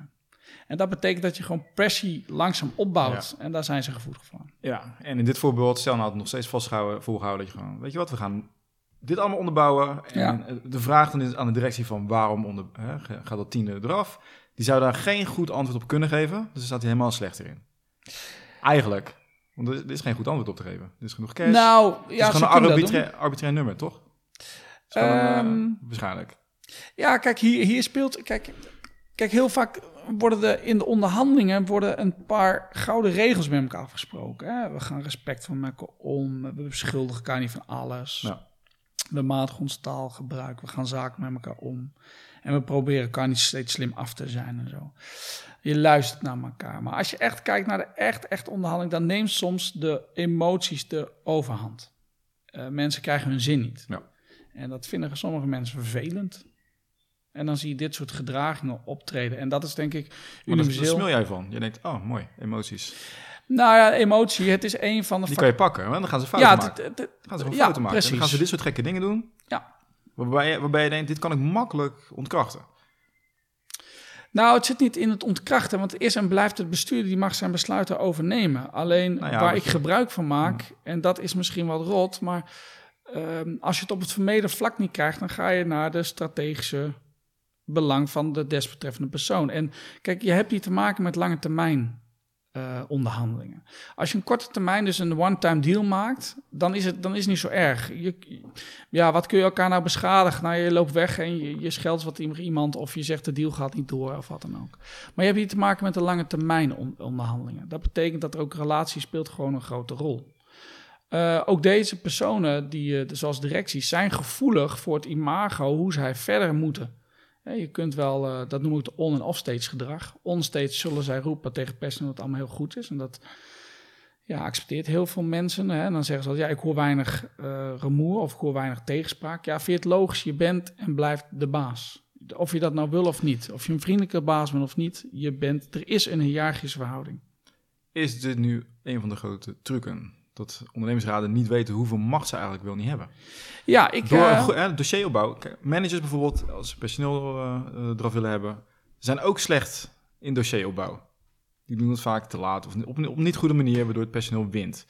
Is het ook zo bij ondernemersraden? Dat ze gewoon niet weten van hoeveel macht ze wel niet hebben, hoeveel, wat ze kunnen bereiken met dossieropbouw en dat al deze informatie naar buiten komt. En dat dus ook de directie niet in een kwaad daglicht gesteld wil worden. Ik denk dat ze daar te weinig gebruik van maken. Uh, en het, soms hoeft dat ook niet. Want sommige directeuren, daar is prima mee te onderhandelen. Dat, dat, dat, die ga je aantonen. Het is altijd leuk om uh, te hebben over die uh, gevallen waarbij dat niet lukt. Precies, dat is ook, anders nou, saai, als, als het, Ja, anders heel saai natuurlijk. Als we daar een beetje bij, bij, bij, blijven... Ja, dan denk ik dat directeuren soms wat banger zijn voor de ondernemersraad... dan de ondernemersraad zich beseft. Ja. Alleen als jij vanuit een machtspositie denkt... Um, schat je vaak risico's in hoe, hoe mensen mogelijk die macht zouden kunnen grijpen. De ondernemingsraad denkt vaak niet vanuit een machtspositie, die denkt vaak vanuit een relatie uh, oogpunt. En die zegt, ja, die relatie ga ik niet op of ondergeschikt zelfs. Of zelfs ondergeschikt van, ach, het is toch al beslist en uh, ja. ach, we doen het niet. En daar, dat is echt een doosje en dat is echt, dat was vroeger te kopen V&D volgens mij. Dat is een doosje durf en lef. En dat heb je af en toe nodig om dingen voor elkaar te krijgen. En een goede focus waar je voor gaat. Je moet goed snappen waar gaan deze onderhandelingen over. Wat wil je bereiken? En ik denk dat ze dat ook niet altijd goed in kaart brengen. Ik denk dat er veel gevraagd wordt, veel informatie gevraagd wordt, maar niet nagedacht wordt. Waar gaat ons nou eigenlijk om? En vraaggericht om uiteindelijk een goede business case op te bouwen. Om ja, toch een beetje je zin te krijgen, om maar zo te zeggen. Uh, zitten in een ondernemingsraad is uh, heel complex. Doen mensen naast hun werk. Ja. Kan je dit wel vragen van mensen? Nou, wat je hier hebt, ik heb zoals vergeleken met een soort vrijwilligersorganisatie. Hè? Je, doet het erbij, je doet het ernaast, het moet nog leuk blijven. Uh, maar je hebt gekozen voor de ondernemingsraad blijkbaar. En daar staat er heel duidelijk in dat je ook gaat over uh, moeilijke beslissingen. En zeker in tijden waar er veel druk zit, uh, ja, zul je toch rekening moeten houden dat je ook niet leuke dossiers op je bord krijgt. Hoe kunnen ondernemingsraden dit doen zonder jouw hulp? En dan noem ik jou als, hè, zijn er met ondernemingen die ondernemingsraden helpen, Klopt. als adviesorgaan. Want het lijkt mij bijna onmogelijk. Exact. Want je moet exact weten hoe die onderneming in elkaar zit. Bedrijfskundig moet je heel sterk zijn. Jij bent dat. Je moet juridisch precies weten wat je wel en niet kan. Ehm, je moet ervaring hebben. Hoe doen ondernemingsraden dat zonder jou? Kan het wel? Het is te misschien arrogant om ja. te zeggen dat je dat bij mij moet halen. Ik denk dat Nou, ze soms... jij, jij en andere soorten mensen die ja, dit, eh, nee, dat, hè? nee, maar ook, ook die arrogantie. Ja, kijk, Ja. laten we niet vergeten, de mensen eh, weten doorgaans heel goed hoe, wat er verbeterd moet worden. Als je aan de mensen op de werkvloer vraagt waar zouden ze aan de bovenkant nou eens mee moeten stoppen om, om hier beter te laten draaien, dan weten ze dat. Ook zij hebben te maken met belangenverstrengeling, want als je eh, nog efficiënt gaat werken, moet je harder werken. Dat betekent dat per definitie dan vrijheidsschade, eh, eh, dat, dat is een opzegging van vrijheidsschade. En als dat zelf zouden moeten doen, ik denk dat ze dat, moeten ze wat meer in hunzelf geloven en dat ze wat... ehm, Kijk, ik denk als ze inhoudelijk, ik ken een paar ondernemers, die zijn inhoudelijk heel sterk. Die kennen dit spel, snappen dit spel, weten hoe de onderhandelingen en weten hoe de hazen lopen en die maken daar prima gebruik van. Ik denk dat ondernemingsraden, als ze mij inhuren, in het begin een houvast zoeken. Een partij die durf en lef vertoont en zegt wat zij eigenlijk niet durft te zeggen. En gaandeweg het proces krijg je een soort voorbeeld waarbij je ziet dat aan het einde van zo'n proces zit daar een ondernemingsraad die zich die meer geleerd heeft in, in al dan training of wat dan ook in al die jaren als ze zo'n proces zijn doorgaan. Ja. Dus zij leren ook ehm, door het echt samen te doen. Alleen nogmaals, daar is durf en lef voor nodig. Zit je dan, hoe, ga, hoe gaat zoiets? Heb je dan, eh, ik heb bijna zo'n idee van, dan zit ze daar zo aan tafel eh, met een oortje in. en dan eh, Rick die zegt op de achtergrond, nou, nu moet je dit zeggen. Nee, kijk, kijk wij gaan Hoe ver weg sta je, hoe ver weg Nou, je vanaf? Om heel eerlijk te zijn, in dit soort gevallen ga ik vaak mee met de onderhandelingen. Dat mag gewoon. Ja, ja, zeker. Zij mogen gewoon mensen meenemen. Ben je dan de frontman die daar zit? Ehm, qua karakter zou ik zeggen, dat doe ik snel. Ja, je zit hier aan Ehm. tafel, je, je komt wel dominant over. Dus ik kan me voorstellen dat als je daar zit en je hebt natuurlijk compleet andere belangen, je, je hoeft niet te vrezen voor je baan, wat dan ook, dat de ogen op jou worden gericht. Ook Dat vanuit klopt. de directie van wie is dat? Wie is die Rick? Ja, maar daarvoor heb je eigenlijk al gesprekken gehad. Kijk, voordat je gaat onderhandelen, moet je wel de onderhandelingspartij een beetje kennen. Dus ik geloof de ondernemingsraad niet in één keer. Dat betekent dat ik een, ehm, voor mezelf een besluit moet nemen van wat vind ik hier nou echt van toepassing. En ehm, ehm,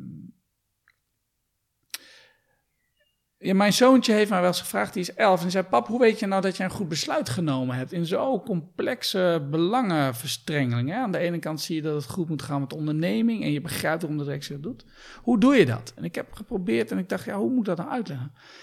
Ik heb tegen hem verteld dat ik zei, als ik nou op de markt zou staan en ik zie iemand aankomen lopen die het ja, die, die, die hiermee geconfronteerd is, die een baan verloren is, durf ik dan mijn hand uit te steken en zeggen: Alex, hoe is het met je?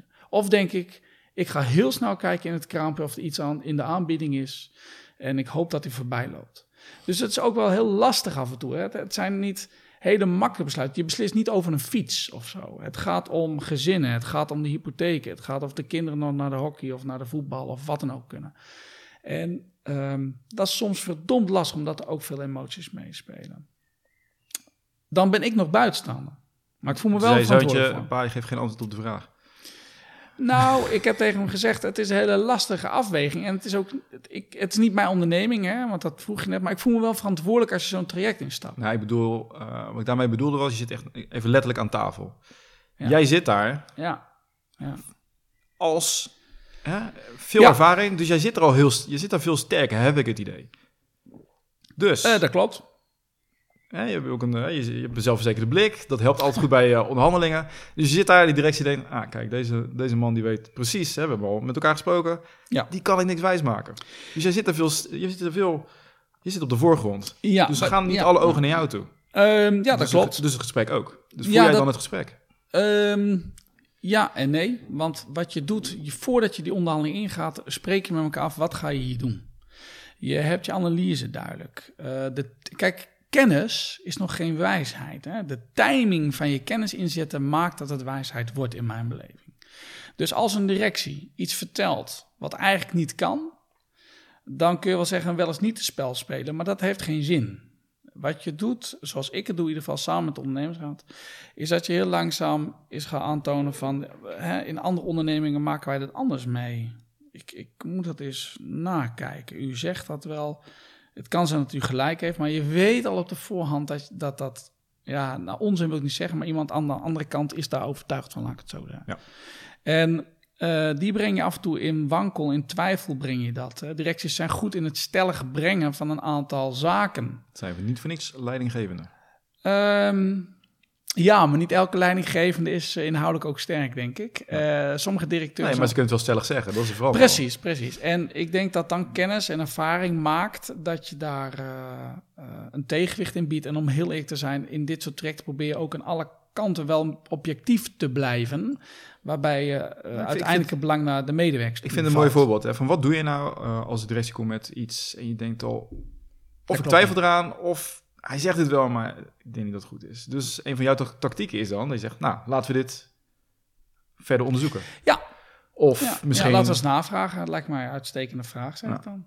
Ja, ik zit eh binnenkort... en dan zegt eh, hij, maar waarom? Ik zeg het je nu nog. Nu, nu toch? Ja, nee, nee, dat klopt. Krijg je dat gesprek? Ja, nee, maar als ze dat nou eens zo doen, hè, jij zegt van ja, maar ik zeg het u toch, dan zeg ik ja, ik hoor u, dank ik, eh, bedankt voor uw mening. Ehm, ja, we moeten dat toch eens even onderzoeken.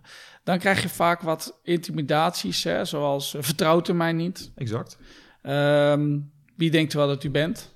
Die is gelijk heel heftig. Eh, precies, hè, dus er zit een soort gradatie en zij weten Ja. ook wel een beetje op de pressure. Daarom zeg ik, hè, de emoties nemen vaak de, de bovenhand op dat moment, omdat Ja. iemand zijn zin niet krijgt. Ja.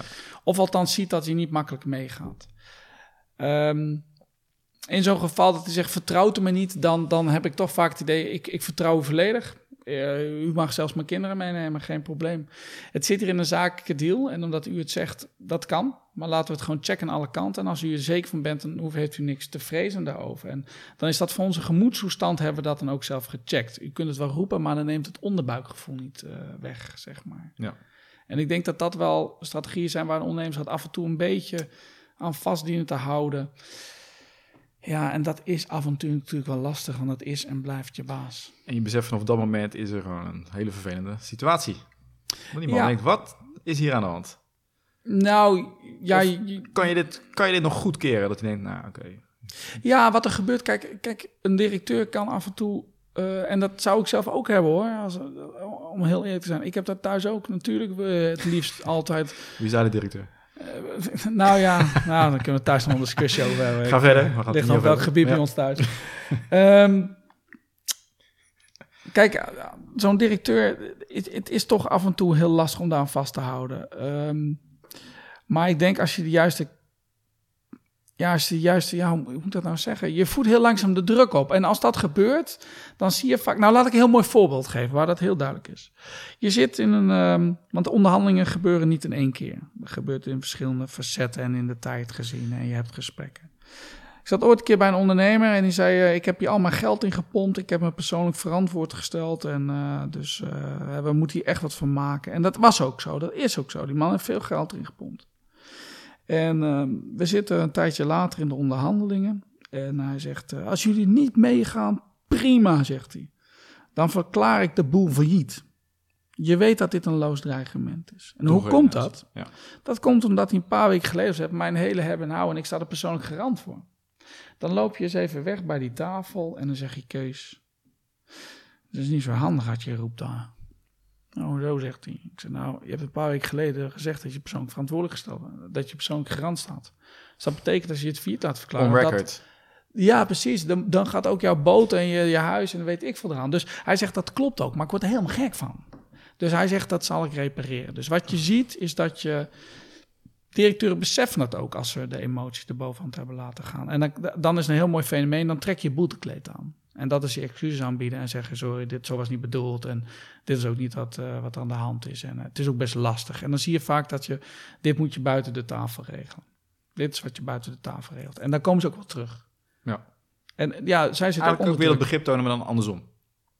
Je hoort, wat ze, je hoort wat ze eigenlijk zeggen, wat Ja. de boodschap is. En je laat nog eens een keer weten wat het belang is van de ondernemingsraad. Dat ze het niet doen om de directie te pesten. Nee, en ik denk dat dat, dat is wel belangrijk. Je dient voor ogen te houden, ik zei al, continuïteit van de onderneming staat voorop. Als jij, wat ik al zei, soms zijn de, is de situatie zo significant dat je snapt waarom er iets moet gebeuren. Dat noem ik het principe besluit. 9 van de 10 keer begrijp je dat ook wel. Maar 9 van de 10 keer wil een ondernemingsraad dat het dingen anders gaan. Dus dat ze anders geregeld worden. Of dat ze op een andere manier ingezet worden. Of dat bepaalde bezuinigingen op een andere manier gehaald kunnen worden. Die ook het personeel Ja. beter is voor het personeel. En dan zeg jij wel of niet, dat doen we. Dan geef je daar ook advies in. Nou, uiteindelijk dient de ondernemingsraad zijn advies te schrijven. Ja. Ehm, dat betekent dat jij eh, eh, aangeeft hoe jij vindt wat de directie zou moeten doen. Ehm dat kan de directeur uiteindelijk overnemen of niet. Ja. Maar als je de goede onderhandeling gespeeld hebt, heb je afspraken gemaakt voor je advies. Dus je hebt de deals gemaakt voor je advies. Dat is een hele belangrijke voor de luisteraars. Ja. Die misschien denken, dit moet aan tafel gebeuren. Allemaal formele setting. En nu gaan we het erover hebben. En daar komt dus, een, eh, komt dus iets uit. Dat is dus absoluut niet zo. Is er nog iets wat ik hierin mis? Wat ik nog niet gevraagd heb? Ehm, wat je hierin mist. Een cruciaal iets. Wat veel ondernemingsraden gewoon niet zien. Door gebrek misschien aan ervaring of gebrek aan onderhandelingsvaardigheden. Nou, dat zou goed moeten weten op welk, op welk punt zitten we nou in de onderhandeling. Hè? Op het formele doel, dat noem ik dan zeg maar gericht echt op het onderwerp. Zij, moet, zij zouden dus een analyse kunnen maken van wat is het belang van deze directeur als hij het niet voor elkaar krijgt. Het strategische doel noem ik dat altijd, gericht op een eigen positie. Hoe gaat de rest van de wereld er tegenaan kijken als een besluit anders zou worden? Dus als een bestuurder bijvoorbeeld zijn besluit zou aanpassen. En als laatste zul je ook gewoon moet, goed te- moeten weten hoe de persoonlijke karakter van de onderhandelaar is. Ja. En daar zeg ik altijd, dat is de verslaving van de persoon. Dus sommige bestuurders zijn, eh, hebben een verslaving om slim gevonden te worden. Sommigen hebben een verslaving om eh, te laten zien dat ze de baas zijn. Sommigen zijn verslaafd aan toch, hè, kijk mij nou eens een vriendelijke baas zijn. Eh, die moet je ook heel goed snappen. En op die drie fronten moet je vooral kijken op welk front krijg je het vooral voor elkaar. Het formele doel. Directies zien vaak dat ondernemers goede, echt, echt goede voorstellen doen. Waarbij hun onderneming echt beter eh, zal draaien. Of betere productiviteit omhoog gaat. Of echt kosten naar beneden kan krijgen. Maar heel vaak zie je dat ze dat niet accepteren. Omdat er toch een heel klein beetje ego meespeelt. En die zegt ik bepaal hoe het hier gaat. Klein beetje ego. Ja, nou ja, bij de ene directeur. Je komt daar dat- niet zomaar, hè? Ja, dat is dan een voordeel over hoe je daar komt. Eh, misschien dat lijkt me een Ah. mooi gesprekskeer voor onderwerp voor de andere keer. Ehm, maar je ziet directeuren die het heel goed begrijpen en die gaan ook goed in gesprek met de ondernemersraad en die snappen het ook. En ehm, die nemen ook echt wel gewoon dingen over. Ehm, sommige directeuren doen dat niet. Die graven zichzelf eigenlijk al in van ik bepaal dit. Die hebben dat ook al laten weten aan de onderneming. En ja, dan wordt het natuurlijk steeds moeilijker om, die, om een, een switch te maken in je besluitvorming. Want als ik daarin ga switchen, eh, wat doet dat voor afbreuk aan mijn aanzien van, van Ja. ik als bestuurder weet toch Psychologisch, moet ik heb al nee gezegd. Ja, ik heb al Reframing negen. Of nee, ik heb, ja. ik heb gezegd, zo gaan we het doen. Ja. En dan komt er een partij en die zegt tegen mij, je kunt het anders doen. En je ziet en je kijkt ernaar en je denkt, ja, daar zitten wel goede punten in. Nou, als je dat als ondernemersraad snapt, dan ehm, zeg ik al, dan vinden de onderhandelingen vaak buiten de tafel plaats. Dan wel, ook wel formeel in de vergaderingen. Maar d- geef de directie een mooie opening om het plan gewoon aan te passen... zonder dat jij dan als ondernemersraad op je borst gaat zitten roffelen van... kijk eens, dit hebben wij voor elkaar gekregen. Doe dat niet. Laat de bestuurder gewoon doen wat hij moet doen. En als hij jouw ideeën overneemt, het zij zo. En dat maakt wel eens heel lastig dat je als ondernemerschap dingen echt voor elkaar krijgt buiten de onderhandeling, zonder dat het personeel dat ziet. Dat is weer het ego van de ondernemingsraad. Exactly. En daar zit dus ook een soort nou, spanningsvat niet, maar daar, daar moet je als ondernemer heel bewust mee omgaan. Hoe doe je dat in de onderhandelingen? Geef de opening aan de directie om dingen aan te passen. Ga daarna niet te snel en te hard roepen, dat komt door ons, want die man moet ook nog door de onderneming lopen. En dat heeft te maken met die lange termijn onderhandelingen. Dat denk ik. Groot psychologisch aspect. Even kort samen, wat ik eruit hou als belangrijkste punten zijn: de onderhandelingen gebeuren buiten de, of eh, de onderhandelingstafel. Je hebt heel veel macht als ondernemingsraad. Eh, gebruik die ook. Ken de organisatie. Schakel hulp in. En eh, ja, zorg, zorg dat je er samen uitkomt in ieder geval. En ik zou echt aanraden aan ondernemingsraden. Nou, niet, hè, niet specifiek jou inhuren, maar ja, iemand die daar verstand van heeft. Anders ga je het gewoon, je gaat het gewoon niet winnen. Nou ja, winnen. Nou ja, Ja, ik- Ja, volgens mij is het doel, je wil met gezamenlijk winnen. Maar voor jou kan Precies, je wil, je wil dat er een goed besluit Ja. genomen wordt, waarbij alle belangen zijn afgewogen. En een van de belangen waar je als ondernemersraad voor staat, is het beoordelen van een bedrijfseconomisch besluit. Waarbij je eh, de belangen van medewerkers in wil meen, ja, dat, dat iedereen mee wordt genomen in het besluitvorming. Ja. Ehm, zodat er een goed en kennelijk goed besluit is voor de continuïteit van de onderneming. En dat is soms een helft job. Je hebt nog een boekje bij je. Zijn er Ja. nog punten die je daaruit wilt bespreken die ik heb gemist? ik weet niet wat erop staat. Eh, nou, hier staan, nog, dat, er staan nog een paar dingen die je als ondernemerschap niet moet doen en wel moet doen. Eh, ik zou zeggen, laat de mensen gewoon eens kijken op de website. En dat, daar vinden ze ook wel echt wel eh, dingen terug met tips. Ehm, ja, ach, in onderhandelingen je wilt horen wat je wil horen. Er zijn gedragen van slechte onderhandelaars. Slecht gedrag, slecht gedrag van onderhandelaars. Ehm, ja, en, en wees, ja, onderhandelen is, is soms geen pretje. Eh en onderhandelen begint eerder dan je denkt. Eh, en er is durf en lef voor nodig. Nou, Alex, jij vroeg ook hoe de onderhandeling nou soms lopen. hè. En dat, dat is wel een dilemma natuurlijk. Want ehm, sommige onderhandelingen kun je niet zo vrij open over spreken, als je begrijpt. Ik bedoel, Dus klanten hier noemen is al heel erg lastig. En ik wil even aantonen, kijk, het gaat er hoe, hoe groter het belang, hoe meer je inzet om dingen voor elkaar te krijgen. Om toch maar eens wat eh, een voorbeeld te geven. Ehm, een bedrijf eh, waar we het eerder over hadden, die eh, ging dus verhuizen van Eindhoven naar Amsterdam. En ehm, we, hadden al een tijdje gesproken over hoe ziet het eruit. En we begrepen ook waarom dan misschien een verhuizing of waarom het daar zou kunnen plaatsvinden. We hadden wat criteria opgesteld van een nieuwe locatie. En eh, wij wisten dus dat ze zo eh 650.000 euro zou besparen op eh, huurkosten. Ehm, tijdens dat traject eh, zie je dat zij voelt dat eh, de ondernemersraad niet eh, zomaar meeging. Omdat zij iedereen kon mee. En wij zeiden, ja, maar dat is bijna onmogelijk. Hè? Hoe ga je nou als parttime die vier uur werkt op een dag... hoe ga je nou van Eindhoven naar Amsterdam? Dat is bijna onmogelijk. En toch hield zij vol, iedereen mag mee. Dan, ehm, nou wat ik al zei, reistijd is werktijd. Dan eh, zegt zij, dat gaat niet. En waarom niet? Ja, zegt ze, dan, dan komen de mensen daar binnen, pakken een bakje koffie... en zeggen toedeledokie en gaan weer naar huis. Dus dat is bijna onbegonnen werk. Nou, daarmee hadden we aangetoond dat dus niet iedereen zomaar mee kon. Toen ehm, zei zij in de onderhandelingen... luister beste ondernemersraad, u kunt van alles willen... maar eh, de aandeelhouders die hebben al akkoord gegeven... en de huur is al opgezegd. Dus eh, wij schreven dat op. De ondernemersraad tegen mij, moeten we hier niet meteen op reageren? Ik zeg, nee, nee. Timing is denk ik nu het meest belangrijke. Wij hadden ook een geheimhouding opgelegd gekregen. Dat kan als ondernemingsraad. Dan eh, moet je je mond er nog over houden. Wij zeiden, dit is een dergelijk groot besluit. Wij willen dat uiteindelijk een keer voorleggen aan de, aan de mensen. En dat ging in zaken reiskosten. Zij wilden de reiskosten enkel alleen eh, vergoeden tot 146 euro per maand. Dat was het maximum in de huidige situatie. En dat was ook logisch, want eh, ja, iedereen woonde dicht bij het werk. Maar van Eindhoven even naar Amsterdam, dan is die 146 euro echt na drie dagen op. Ja. Wat gebeurt er? Ehm, wij eh, waren, hadden een brief geschreven ook aan de eh, van, uh, moest luisteren, wij hebben geheimhouding, maar wij vinden het heel belangrijk dat we dit moeten voorleggen. Zij zei, nee, dat wil ik niet. Jullie moeten maar gewoon beslissen. En dan zie ik jullie advies al tegemoet. Nou, uiteindelijk na een paar rondjes van onderhandelingen uh, hadden we een soort pre-advies. Zij had haar jurist meegenomen. zat naast haar. En ze zei, beste mensen, het maakt me niet uit dat jullie gaan adviseren. Ik ga dat besluit nemen. Of je nou voor of tegen zijn, het maakt me niks meer uit. de rechter kijkt toch niet inhoudelijk naar het besluit. Hij kijkt alleen maar of het proces goed doorlopen is.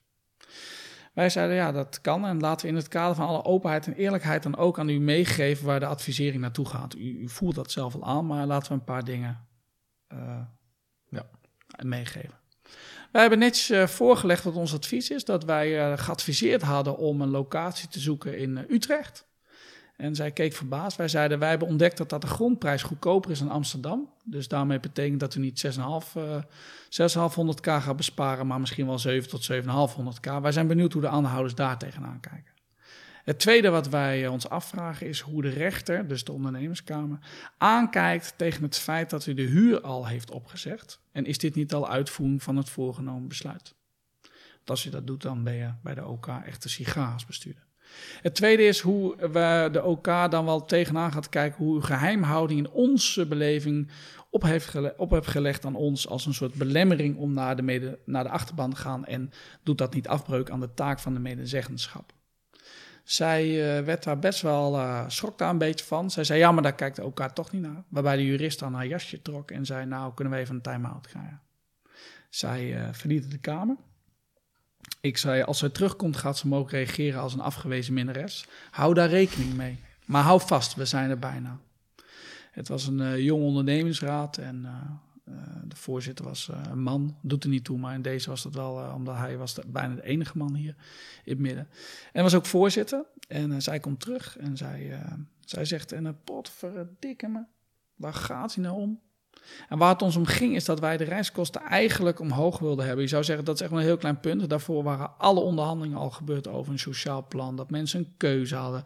Dat ze wel of niet mee konden. Dat ze daar een goede regeling voor kregen. Maar de sluiter zat een beetje in die reiskosten. Want als iemand mee zou gaan, degene die het vers weg woonde, hadden we uitgerekend dat hij dan 9000 euro per jaar zelf moest betalen. Hm. En wij vonden dat ja, onredelijk gewoon. Zij uh, kwam dus terug en ze zei: Ja, en waar gaat het nou om? Gaat het alleen maar om die reiskosten? Wij zeiden: Nou ja, het gaat hier om een groot getal, zo ongeveer 150.000 euro. Die dan de mensen zelf moeten betalen. Dus daar verdient u ook nog eens een keer aan. Terwijl u zegt: iedereen mag mee. En wij vinden dat de mensen een goede redelijke keuze moeten krijgen, dat ze ook dit goed snappen. U kunt gewoon 19 cent de kilometer geven, belastingtechnisch zeg maar als kosten. En inderdaad gaat de post omhoog, maar u heeft al 6.500.000 euro verdiend op het pand, zeg maar. Zij uh, zei, uh, ja, wat denken jullie wel niet? En uh, ik ga dit niet doen. En gaan jullie echt voor naar de OK? Waarbij ze dus daarvoor zei, jullie gaan maar. En die voorzitter die keek me aan en je zag hem zo een beetje twijfelen. Je zag hem een beetje twijfelen. Ze knikte heel klein beetje en hij zei, uh, ja. Zo echt overtuigend natuurlijk. En nou ja, toen zei ze ook, potverdikke me, nou dan hier hebben jullie die reiskosten. Dus met andere woorden, de hele palet van onderhandelingen die we al gevoerd hadden, was dit nog eigenlijk een heel klein breekpuntje. En daarna hebben we ook gezegd van nou fantastisch als we dit krijgen. U krijgt binnen een week het advies en dat lijkt me uitstekend. Dus op die manier hebben wij echt de deal gemaakt. En dit is een van de voorbeelden waarbij het soms ontzettend spannend kan zijn. Waarbij het lijkt dat het nog om een klein dingetje gaat. Maar als je het in het grote geheel bekijkt, dan gaat het echt om cash. En echt een goede keuze die mensen kunnen maken. En ik denk dat ze dat fantastisch hebben gedaan. En daar, hebben, daar is een uitstekend plan uitgekomen. En ze is ook heel redelijk. Dus na de vergadering, zeg maar, dan was het ook wel weer. Uh, ja, dan moet ik dan nou zeggen. Zij begreep dat, Etienne. Ze zei: Jullie hebben dat spel goed gespeeld. Ze zei dat. Uh, Misschien zelfs een uh, stukje respect. Ja, zeker. En ik denk dat ze dat. Um, um, ja, daar krijg je respect van. Uh, directeuren weten dat je vast kan houden. Ze weten ook hoe het spel gespeeld wordt. Ja, en dit zei ze, dat hebben jullie goed gedaan. Dit was voor mij echt heel lastig. Uh, heeft ze later ook gezegd. En dan zie je dus dat ze ook weer gewoon verder gaan met elkaar. En iedereen begrijpt zijn positie.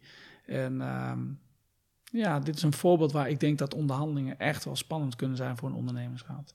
Begrijpelijk. We zijn aan de Royal. Nog een uh, voorbeeld, zei je. Ja, deze is, deze is nog trickier, omdat dat niet heel vaak uh, voorkomt. In die zin dat ik er niet heel vaak over spreek, laat ik het zo zeggen. Want ik vind dat je als ondernemingsraad als uh, gehele groep op moet treden. En dat je als groep echt ook uh, de massa, zeg maar, echt die, die ook onderhandelingsbouwen, het vasthouden als groep zijnde.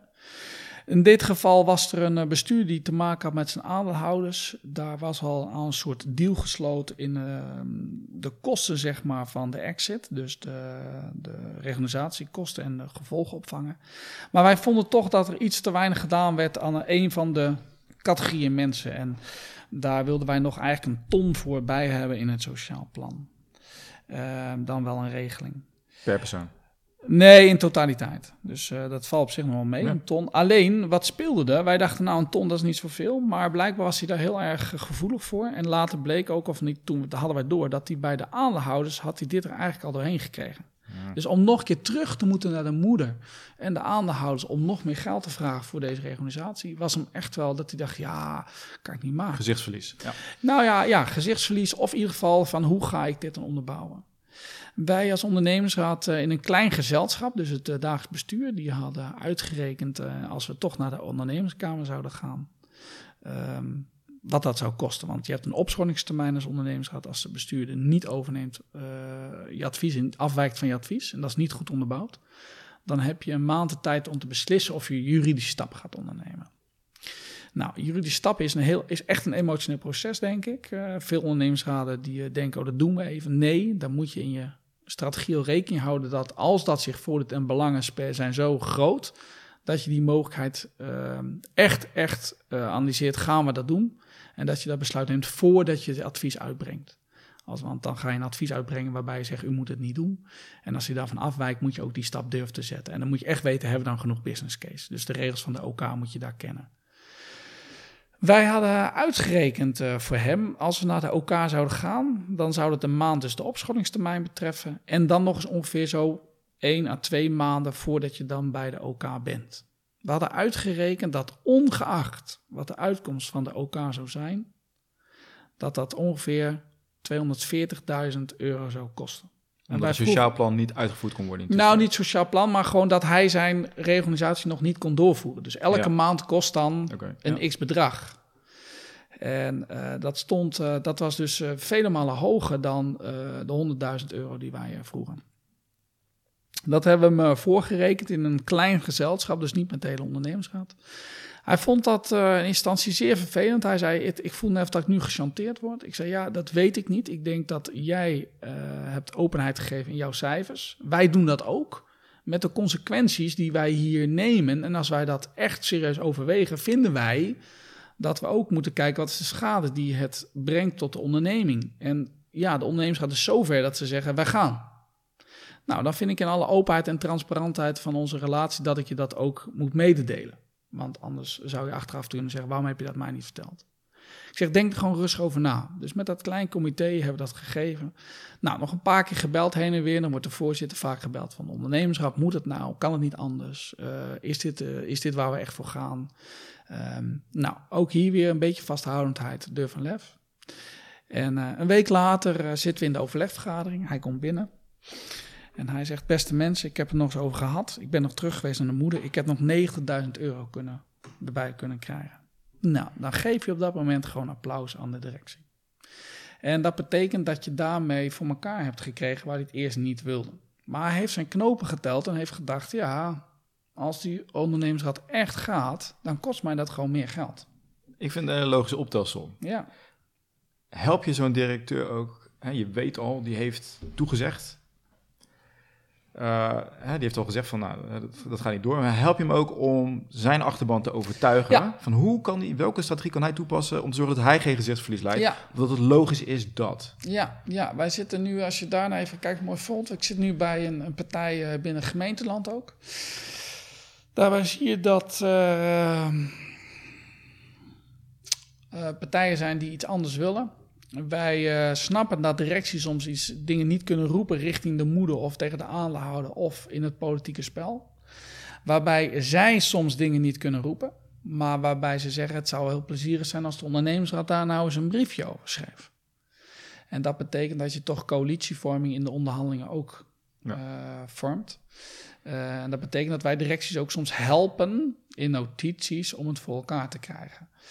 Ehm, dit eh, geeft wel een baas van vertrouwen, hè, want dat moet je wel hebben. Want ehm, eh, als dat eh, spel te veel naar buiten wordt gebracht, dan, dan heb je ergens anders een probleem, zeg ik altijd.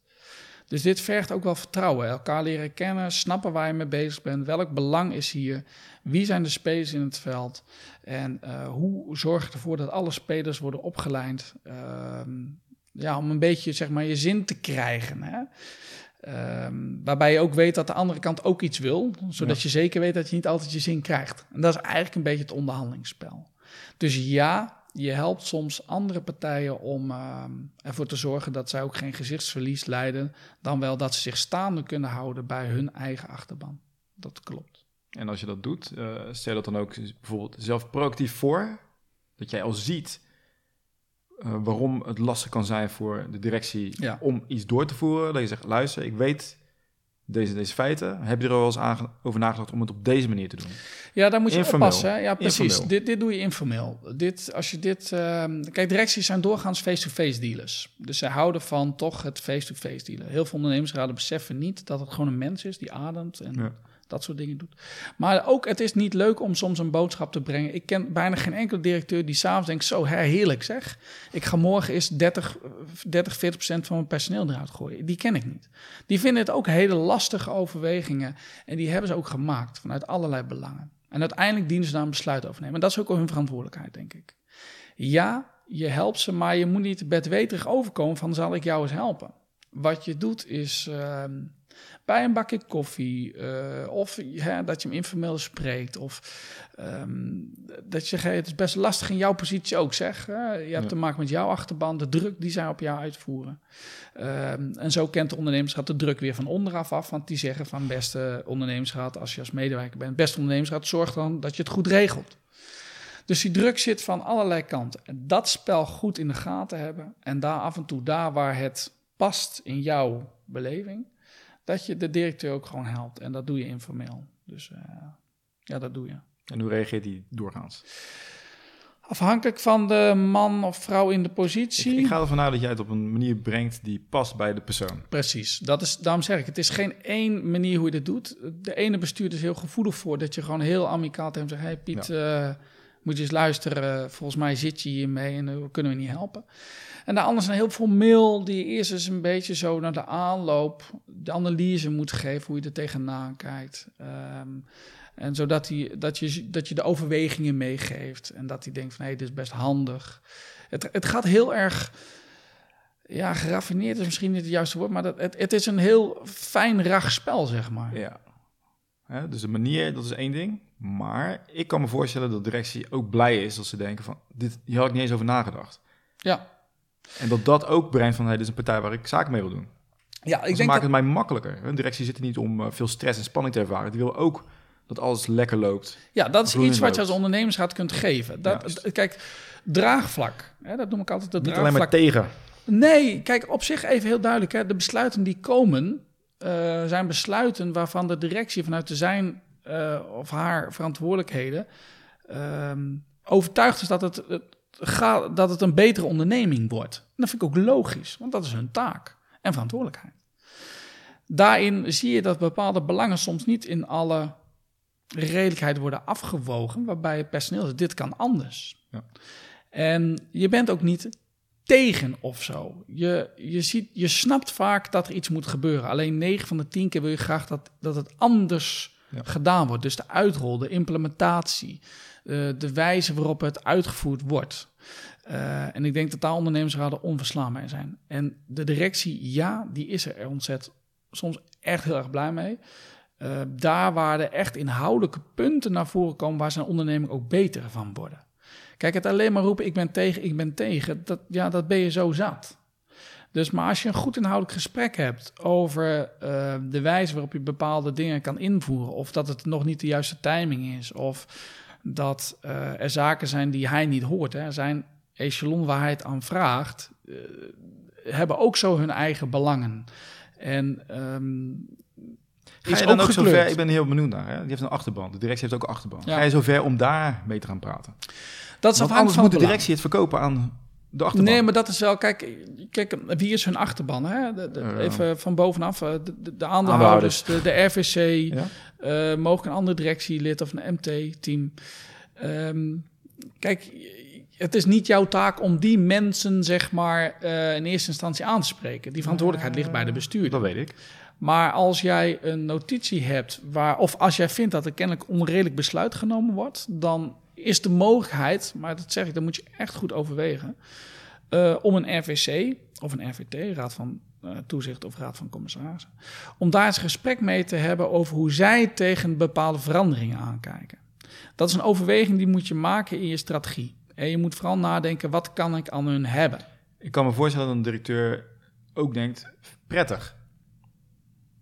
Dat- Ja, als hij van tevoren weet wat daar besproken wordt. Nee, uiteraard. Hè, maar dat hij denkt van, ah, hoe moet ik dit nou weer vertellen? Gezichtsverlies, noem maar op. Hmm. Als jij komt, of, of dat Nee. jij het gewoon beter kan verkopen. Nee, nee, nee. Doorgaans Nee? doen Oké. directie dat eh, zelf. Want eh, zij zitten, zij hebben natuurlijk ook daar van. eh, kijk, als je volgens mij heel even naar de basic kijkt. Ik heb vroeger toen ik een, op mijn rapport een 4 had, maakte ik mij niet druk om dat cijfer. Waar ik me meer druk om maakte is hoe gaan mijn ouders hierop reageren? Eh, hoe, hoe kijken zij tegen dat Ja. cijfer aan? Hè? Zijn ze nog trots op mij? Eh, hoe kijken ze tegen me aan? En ik wil de vergelijk niet helemaal maken, maar ik denk dat wij toch daar gevoelig voor zijn. Dus je wil graag dat je baas je ziet. Ja. Dat je baas trots op je is. Of dat de baas je een compliment geeft. Of dat de baas je Ja, zeker. Trots ziet. Ik denk dat dat ook geldt voor directeuren. En de directeur die kan dan wel een soort... eh, dat denken de meeste mensen van, eh, kijk maar nou en dat soort gebeuren. Dat zal wel, maar zij hebben ook een baas. Dus als je met de baas van je baas gaat praten, moet je heel goed weten waar het over, ga, waar het over gaat hebben. En wat zij kunnen betekenen in jouw onderhandelingsspel. Dus ik denk dat doorgaans doet de directeur dat zelf, waarbij die soms geholpen wordt met een notitie of een briefje of ehm, nou ja, dingen die de ondernemersraad heeft geroepen, zodat hij dat ook weer daar kan vasthouden. En misschien, kijk eens, het personeel staat hierachter. Ja, en dat is een van de eh, aspecten die een ondernemersraad kan bieden. En Ja. ik zeg altijd, in het onderhandelingsspel moet je goed weten wat je te bieden hebt of wat je kan onthouden aan iemand. Als je dat niet hebt, speel je een rituele dans en doe je niet mee. Dan doen we het voor de show. En ik denk dat eh ondernemersraden daar soms niet helemaal bewust van zijn op welke punten hebben wij nou echt een goede positie. En ik denk dat, ehm, dat je dat heel goed in kaart dient te brengen om goed te snappen, kan ik hier iets voor elkaar krijgen? Als we zien dat je te weinig positie hebt, dan is denk ik, ja, slijmen misschien wel het beste, maar dan ga je het niet mee redden in de zakelijk leven. Dat is thuis prima, maar dat werkt niet in het zakelijk leven. Dat, eh, dat werkt niet. Dus eh, als je geen positie hebt, moet je het ook beseffen. En dan moet je oppassen dat je niet te grote broek aantrekt, want anders ben je weg in de onderhandelingen. Partijen weten of je een positie eh, hebt of niet. En als je die niet hebt, ga je hem proberen te creëren. Mooie afsluiter. Waar kunnen mensen heen om ja, al die ondernemersraden die dit gehoord hebben, die denken, wow, ik sta echt eh 10-0 achter eigenlijk, zonder dat ik het wist. Eh, dan kunnen ze naar de website eh, www en dan rdja, dat is Richard Dirk Johannes Anton.nl. En daar vinden ze ook mijn blogs en die gaan ook vaak over de onderhandeling en al die dingen die we denk ik hebben besproken. Zit je in de auto en je luistert naar, de linkjes staan ook nog eens een keer in de show notes. Rick, dankjewel. Dankjewel Alex. Wat is de belangrijkste les die je uit deze uitzending hebt gehaald? Laat het ons weten op alex.ondernemerspassie.nl Steun de podcast en laat een review achter op iTunes. Klik de link aan in de show notes. Het kost je één minuut en je maakt ons er echt heel erg blij mee.